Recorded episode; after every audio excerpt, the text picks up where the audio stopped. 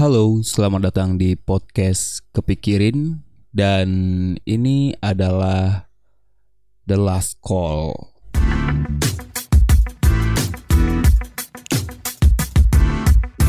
Ada beberapa hal yang uh, hari ini pengen saya uh, racaukan, karena ya podcast adalah tempat meracau terbaik ya daripada ngomong sendiri dan nanti tidak bisa didengarkan lagi mending disimpan dalam format podcast agar nanti saya bisa mendengarkan lagi keluh kesah atau racauan-racauan yang pernah saya bikin sekali seminggunya. uh, um, dari suara yang saya keluarkan pada hari ini ini sudah sangat terlihat sekali kalau sekarang itu saya lagi berada di momen baru bangun tidur. Tiba-tiba langsung bikin podcast. Jadi suara saya masih uh, rada-rada belum muncul. Tapi nggak apa-apa kayaknya ini lebih deep gitu ya lebih manly lebih keren um, ya jadi episode ini saya bakal ngasih namanya eh judulnya last call. Panggilan terakhir. Asik panggilan terakhir. Nggak tahu sih bener atau tidak artiannya tapi ya saya pengen judulnya itu last call uh, mungkin beberapa dari Anda tahu kalau saya itu seorang desain grafis dan kemarin itu saya sempat bekerja di sebuah perusahaan retail yang namanya Mr. DIY. Nah itu berapa lama ya? Saya lupa berapa lama, 6 bulan kalau nggak salah dan saya memutuskan untuk resign karena menurut saya uh, saya tidak tidak bisa mencapai titik maksimal untuk menjadi uh, diri saya sendiri gitu. Dan saya pikir ya inilah saatnya saya untuk pengen lebih berkembang lagi di uh, pengalaman berikutnya. Terus nganggur nganggur dulu beberapa bulan habis itu baru kembali lagi bekerja sebagai desain grafis atau lebih tepatnya sih uh, kreatif ya. Karena nggak cuma soal desain grafis saya juga mencakup semua hal-hal yang berhubungan dengan uh, kreatifnya di kantor tersebut. Iya satu sisi itu seperti naik jabatan lah maksudnya naik level dari uh, profesi saya sebelumnya sebagai desain grafis di kantor yang lama. Nah di kantor Comika ini saya kan sebagai kreatif gitu dan saya sudah uh, menjalani beberapa hal bukan beberapa hal sih menjalani uh, proses sebagai karyawan itu sekarang sudah tanggal 26 berarti sudah du, sudah 8 bulan saya bekerja sebagai kreatif di comika.id dan tepat di tanggal ini adalah hari terakhir saya bekerja sebagai kreatif di comika.id. uh, uh, alasan alasan nanti deh alasannya. Uh, selama bekerja di comika.id saya merasakan experience yang sangat berbeda yang saya terima sebelumnya. Mungkin karena uh, suasana kantornya itu lebih seperti uh, suasana anak muda gitu mungkin uh, beberapa eh, karyawan atau anggota di sana itu rata-rata semua anak muda. Jadi pola pikir dan uh, feelingnya itu enak itu dan saya merasa sangat nyaman sekali bekerja di comika.id dari uh, lingkungannya. Dari bekerjanya juga saya diberi dibebaskan untuk ya silakan berkreativitas se, semau mungkin sebagus mungkin gitu. Nah saya merasakan sangat uh, senang lah dengan diberikannya kebebasan seperti itu juga saya juga uh, lingkungannya juga menyenangkan mungkin karena uh, suasananya juga komik-komik semua atau orang yang paham dengan komik ya atau stand up komedi karena kan memang kantor itu adalah kantor yang bisa dikatakan uh, sangat dekat dengan stand up komedian. Jadi ya sangat senang sekali, sangat seru sekali di sana. Saya menjalani uh, proses sebagai kreatif selama 8 bulan. Hingga pada akhirnya di akhir di akhir pada bulan 8 ini uh, saya memilih untuk berhenti menjadi menjadi seorang desain grafis atau kreatif di comika.id karena uh, saya ditarik oleh manajemen artis atau talent dari comika.id artis. Ya kayak gitu deh. Pokoknya saya ditarik jadi jadi uh, talent di manajemennya comika.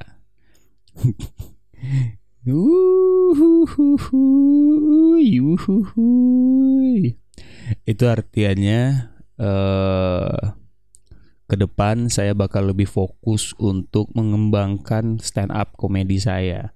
Sebenarnya waktu dulu saya juga tidak meninggalkan stand up saya ya, cuman mungkin karena kerja jadi uh, tidak full time untuk stand up. Nah, Uh, dan pada akhirnya saya ditarik dari jadi talent di Comika dan saya mendedikasikan diri saya untuk akan terus berkarya lakukan apa pun lebih maksimal maksudnya lebih lebih banyak waktu untuk bisa nge-push ke stand up komedinya gitu uh, jadi untuk itu saya harus meninggalkan comika.id saya harus meninggalkan titel sebagai desain grafis atau kreatif di comika.id untuk nyebrang. Nyebrangnya ini nyebrang ini sebenarnya itu kan satu kantor ya comika.id dan comika entertainment sebenarnya satu kantor. Jadi ibaratnya saya pindah kamar lah. Dari comika.id kamar A saya selesai di sana sebagai desain uh, desain grafis pindah ke kamar B di Comika Entertainment. ya seperti itulah. Jadi uh, hari ini saya merasakan uh, satu hal lepas dalam artian saya tidak memikirkan desain lagi, tapi tetap saya akan mengedesain, akan menggambar apa pun itu. Uh, satu sisi lagi saya merasa uh, semangat gitu loh kayak wah ini udah ada apa udah ada tantangan baru nih bagaimana saya di akhir pandemik di akhir pandemik di akhir tahun di masa pandemik ini saya di kuarter ketiga ya ini ya kuarter ketiga di mana saya harus bisa nge-push diri saya untuk bisa berkarir sebagai stand up comedian full stand up comedian di masa pandemik. Tantangannya seperti itu di mana open mic tidak ada open mic tidak ada show bisa di, show live bisa dikatakan cukup langka sekali nah jadi saya harus uh, fight untuk bisa berkarir sebagai stand up comedian dan itu adalah tantangan yang saya ambil dan ya saya akan berusaha semaksimal mungkin. Uh, ini kayak sebuah apa ya? Mimpi loh. Hmm, saya itu memang dulu niatnya awal ke Jakarta itu memang untuk mengembangkan karir stand up komedi saya. Berangkat dari Padang itu saya berpikir di Jakarta saya pengen menjadi stand up komedian yang berkembang gitu. Saya lebih pengen go nasional kalau bisa go internasional gitu suatu saat amin nah cuman memang harus realistis kalau di Jakarta itu saya butuh masa transisi pengenalan. Jadi nggak nggak bisa tiba-tiba langsung yang di Jakarta terus uh, stand up stand up ngejar minta apa minta job apa gitu yang lain-lain. Saya harus harus bisa untuk pertama stand up dengan bahasa Indonesia dulu. Karena kan di Padang saya itu stand up pakai bahasa Padang.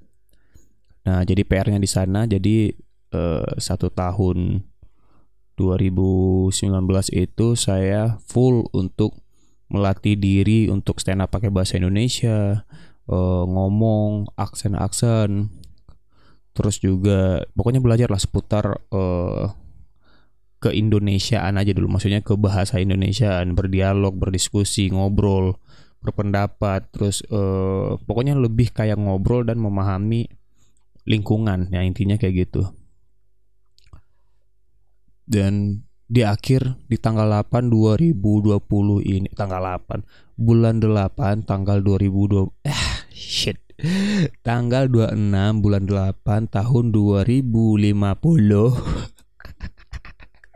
2020 uh, saya menghirup udara yang udara yang saya harap saya terima waktu dulu saat akan merantau ke Jakarta hari ini saya sebagai stand up komedian bukan hanya sebagai stand up komedian dan saya tapi saya dipercaya tim manajemen untuk menjadi talentnya. Dan itu membuat saya tuh kayak wow. Saya berhasil sampai di titik ini gitu. Dalam kurun waktu satu dua tahun kurang. Anda pernah pasti merasakan mimpi yang wah akhirnya mimpi saya terwujud ter, ter, tercapai gitu. Udaranya tuh enak banget tau. Mungkin karena perasaan bahagia aja gitu. Jadi ya gitulah.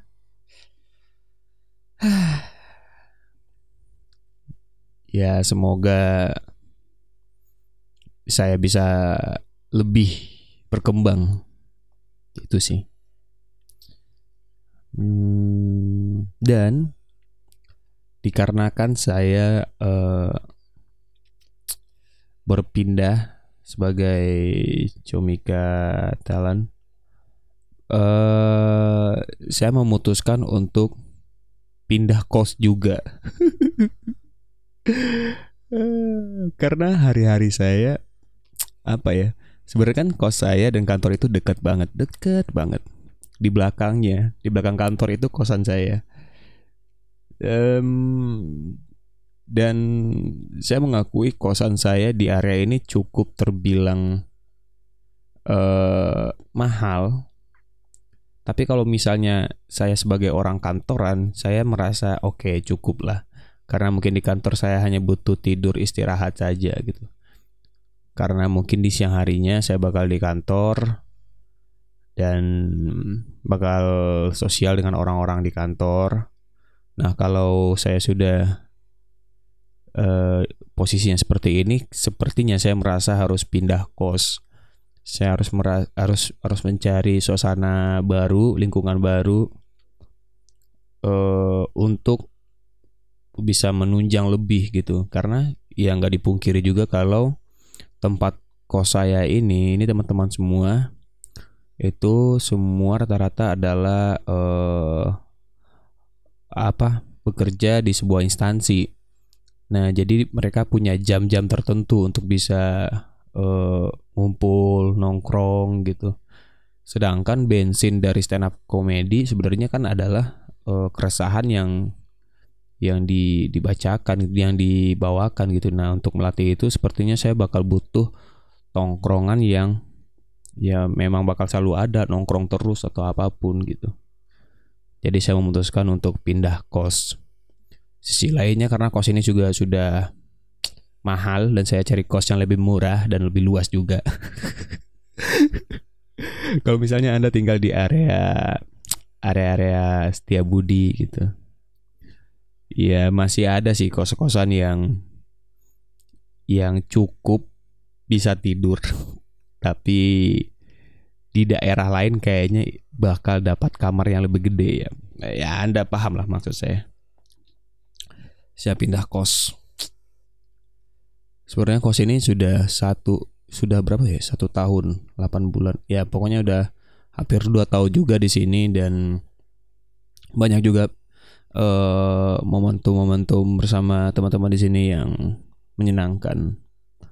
Jadi saya mengambil keputusan untuk cabut itu aja deh saya juga nggak tahu uh, pembahasannya apa lagi ya.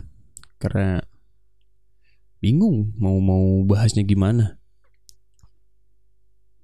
Oh iya di kos ini saya sudah pindah dua kamar sih. Udah baru baru pindah dua kamar. Jadi ya ini kamar saya yang baru dan baru tinggal Agustus Juni Juli Agustus ya tiga bulanan lah tiga bulanan di kamar baru ini jadi harus pindah lagi. Sudah didekor juga. Nggak apa-apa.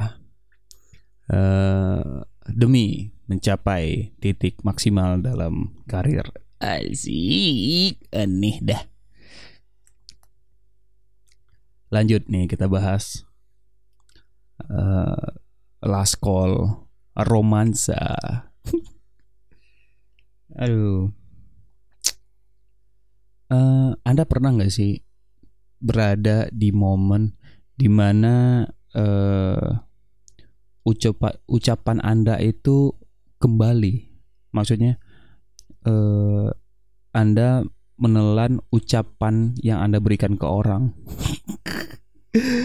Aduh. Saya sekarang itu berada di momen ini di luar masalah Comika dan kos ya. Ini obrolan baru lagi. Uh, saya itu dulu pernah berkata kepada seseorang dan sekarang itu saya malah menerima perkataan yang saya bilang dulu gitu. Aduh, perasaannya itu emang nggak enak sih tapi iya saya harus mengakui kalau ya benar ternyata saya jauh dari uh, hal atau pernyataan yang saya minta untuk uh, orang itu. Ya itu kesalahan saya juga. Jadi sekarang itu saya lagi menikmati momen-momen bersalahnya.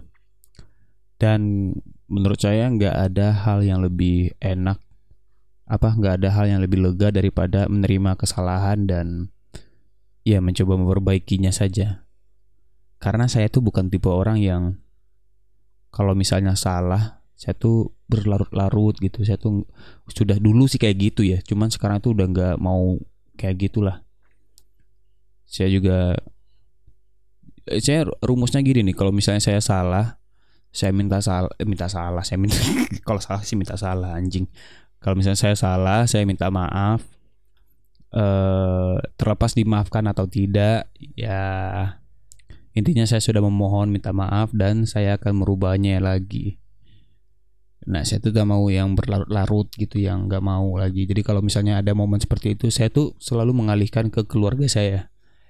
Jadi uh, itu semacam motivasi bagi saya gitu kayak kenapa saya harus uh, me merasa sedih dengan hal ini sedangkan ada hal lain yang harus saya bikin bangga gitu. Jadi saya nggak mau berlarut-larut jadi ya sudah. Kembali lagi ke misi awal yang untuk orang tua untuk keluarga di Padang. Jadi pengen membahagiakan mereka jadi saya nggak mau berlarut-larut dengan permasalahan gitu. Eh uh, ini ngaur ya yang pembahasan terakhir ya. Iya sih nggak apa-apa uh, saya tuh saya tuh saya itu pernah berkata atau pernah kayak gini nih uh, mungkin anda atau ya mungkin Anda pernah meminta seseorang untuk tidak melakukan itu sementara Anda melakukannya gitu.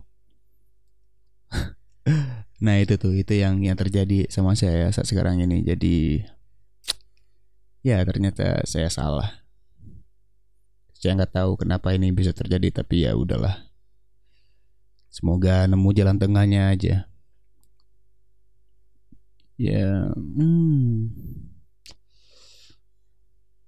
atau atau karena saya itu terlalu uh, me menghargai apa ya?